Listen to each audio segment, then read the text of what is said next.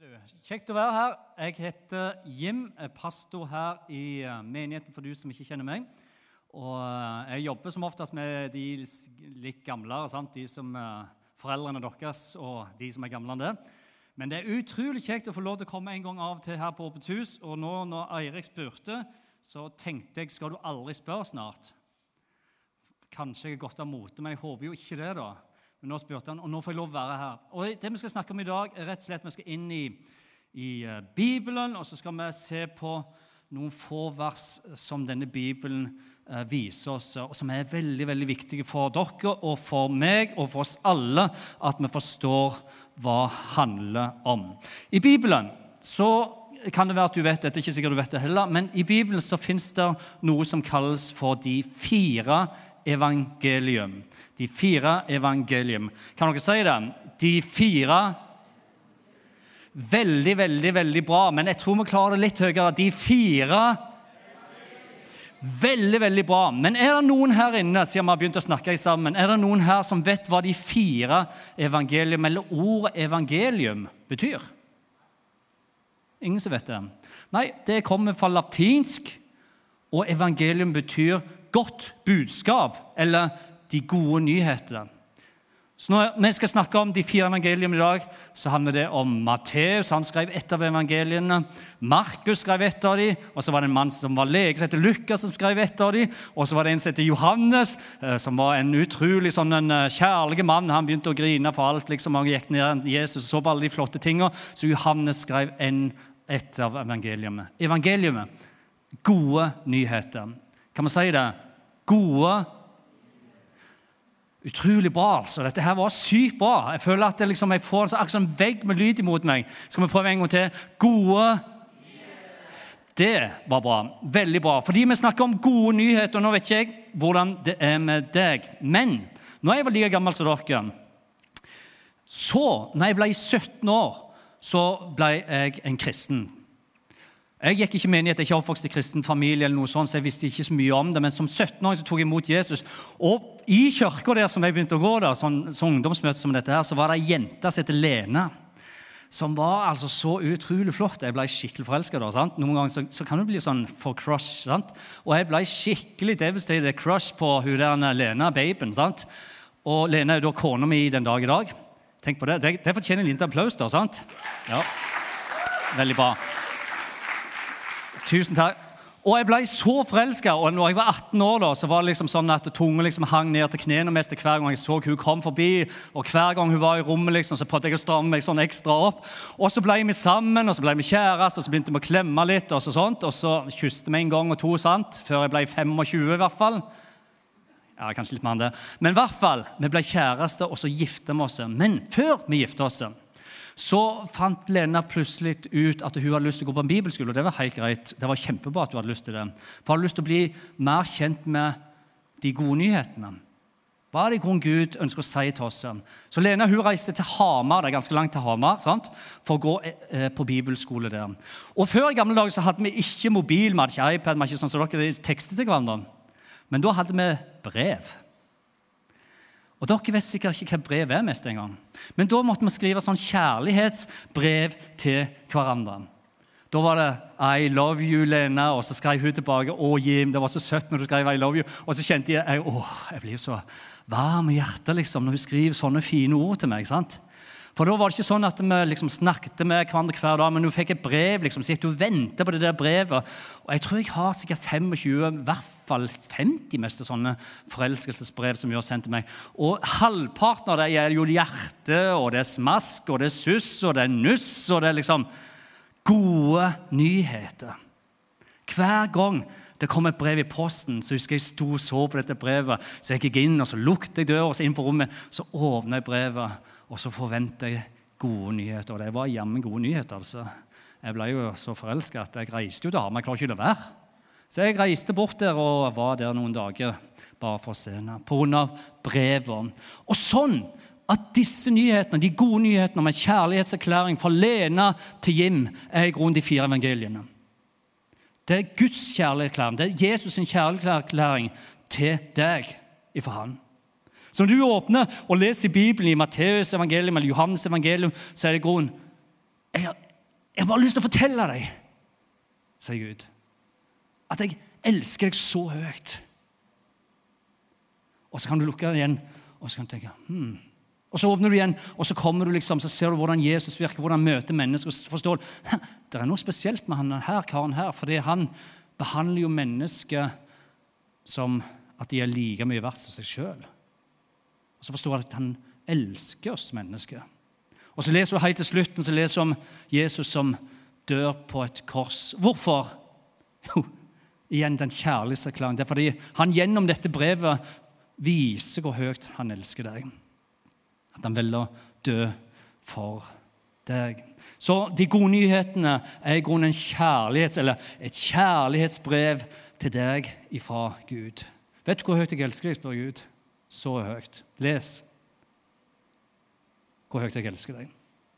Jeg valgte å dø på korset, og det er gode, gode nyheter. En annen god nyhet er dette som står i Matteus 6. Et av disse evangeliene står det dette.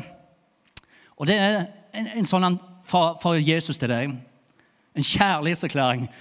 Søk først Guds rike, sier han. Vær en sånn som søker Gud i hverdagen, på mandagen eller når det er på skolen. Du skal ha en tøff prøve som hørte om, en stressa tid.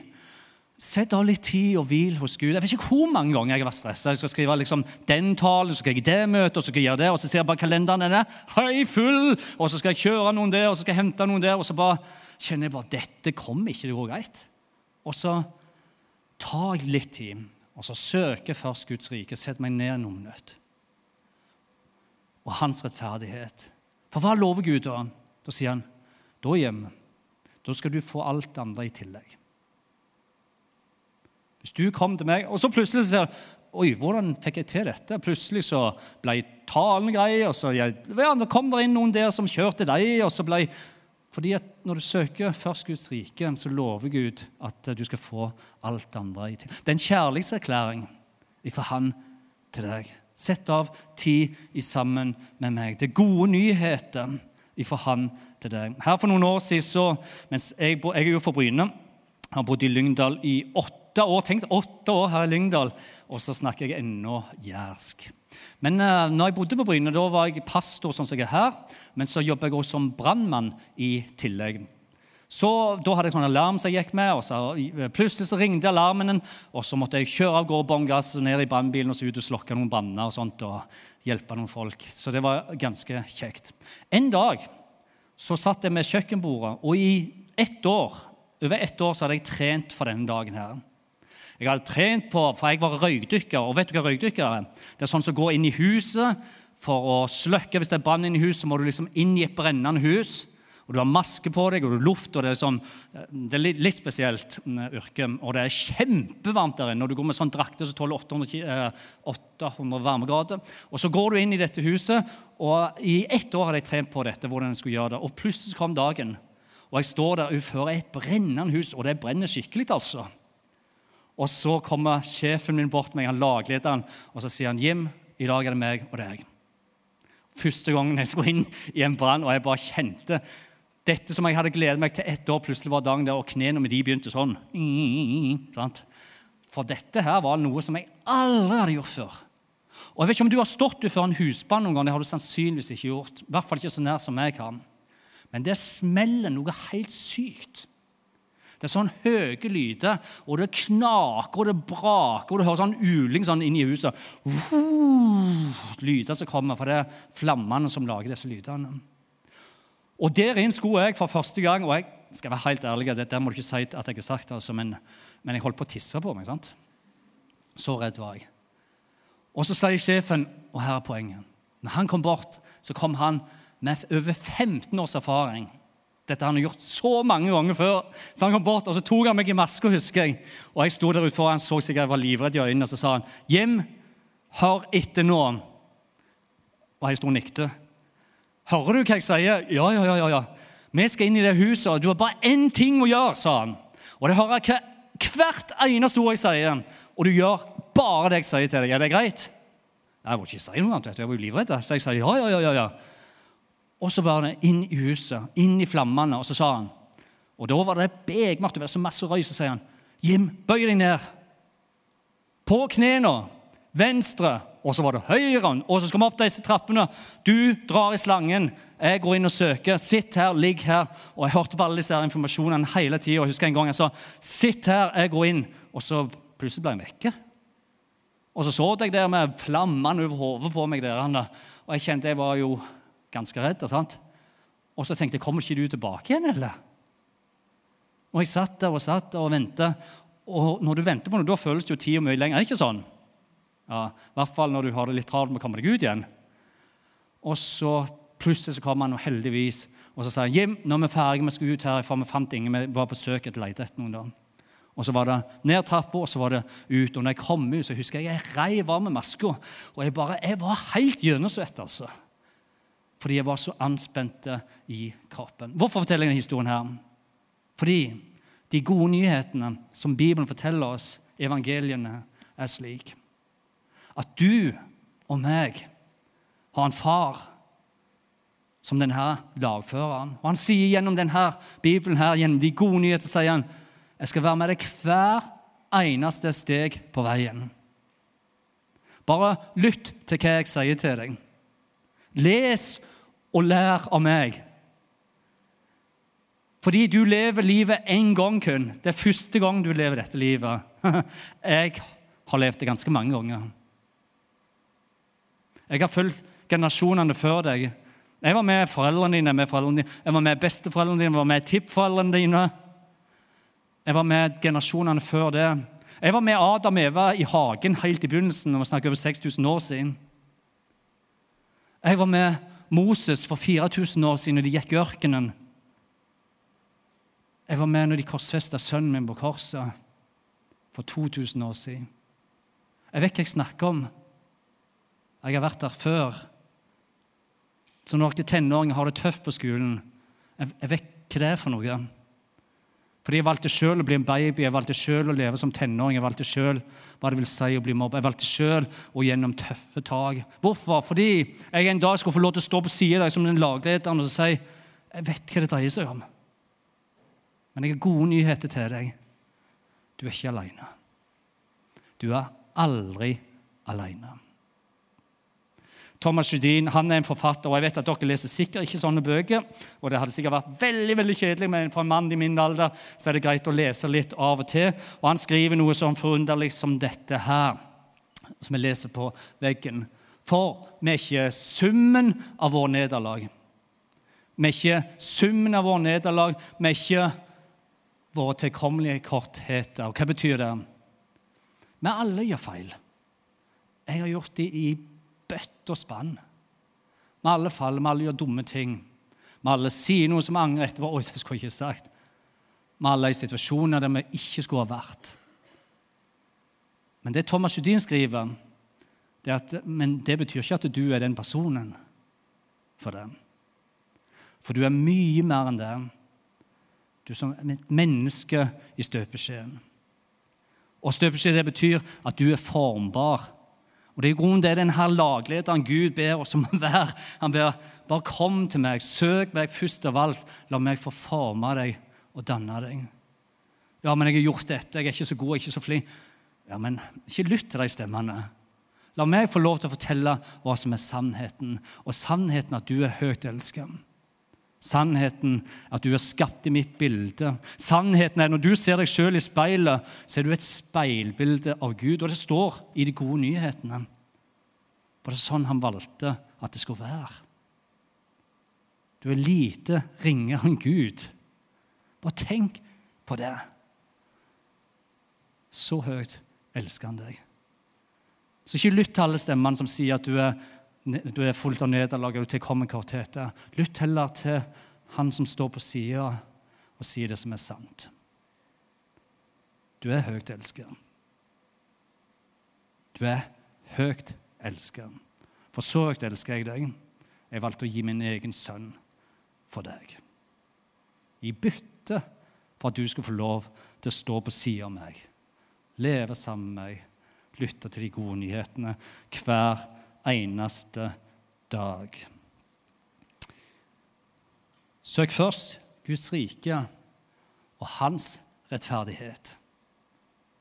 Så skal du få alt det andre i tillegg. Er ikke det flott? At vi har en far, at vi har en Gud som ønsker det. Han er den som kommer med nåde istedenfor dom. Han er den som kommer med kjærlighet istedenfor straff. Han er den som kommer med sannhet istedenfor løgn. Han er den som står der og gir liv istedenfor å spre død. Han er den som står og løfter deg opp med sine ord istedenfor å dra deg ned med sine ord. Han er gode nyheter. Han er Gud, han er skaper av alt liv. Og han har sagt han kommer til å elske deg og være trofast imot deg så lenge du lever. Det du må gjøre, er å søke Han først av alt. Hvorfor ikke søke han som har en god stemme, istedenfor å søke de som har dårlig stemme? Hvorfor ikke søke inn til han som er bra for deg, og som ønsker bare å gi deg gode muligheter for resten av livet, istedenfor å søke i miljø der det er negativ påvirkning på livet ditt? Hvorfor ikke gå til han som bare ønsker det beste for ditt liv? Og la han få forme deg og danne deg. Jeg ble kristen jeg sa det innledningsvis som 17-åring. Og jeg angrer ikke et sekund på det i dag. Ikke et sekund. Og nå er jeg snart 70. Nei, jeg er ikke det, altså. Det er noen år til. Men når jeg er 70 år, så kommer jeg til å stå og si akkurat det samme. Jeg angrer ikke et sekund på det. Fordi jeg fikk lov til å møte en lagleder, en team, en sjef, en far og en gud og en helligdom som elsker meg, og som bare ønsker det beste for mitt liv fantastisk å få lov til å tilhøre han. Det er fantastisk. Det er privilegium. Så jeg håper at du tar vare på den muligheten. Og at du ikke kommer inn med bøyd hode eller 'uff, jeg er så dårlig, får du ikke til'. Nei. Kom med løftehodet, og så søker du inn til Han. Og så får du alt det andre i tillegg. Noen ganger så får vi ikke det svaret som vi ønsker. Det er ikke dermed sagt at ikke han er trofast. Det er ikke dermed sagt at han ikke elsker oss. Noen ganger så må vi be i flere nå. Det har jeg gjort for ting. Og jeg forstår ikke hvorfor han ikke svarer. Men jeg har en tillit til at han ønsker bare det beste for mitt liv. At en dag så skal jeg få svar. Amen. Gud.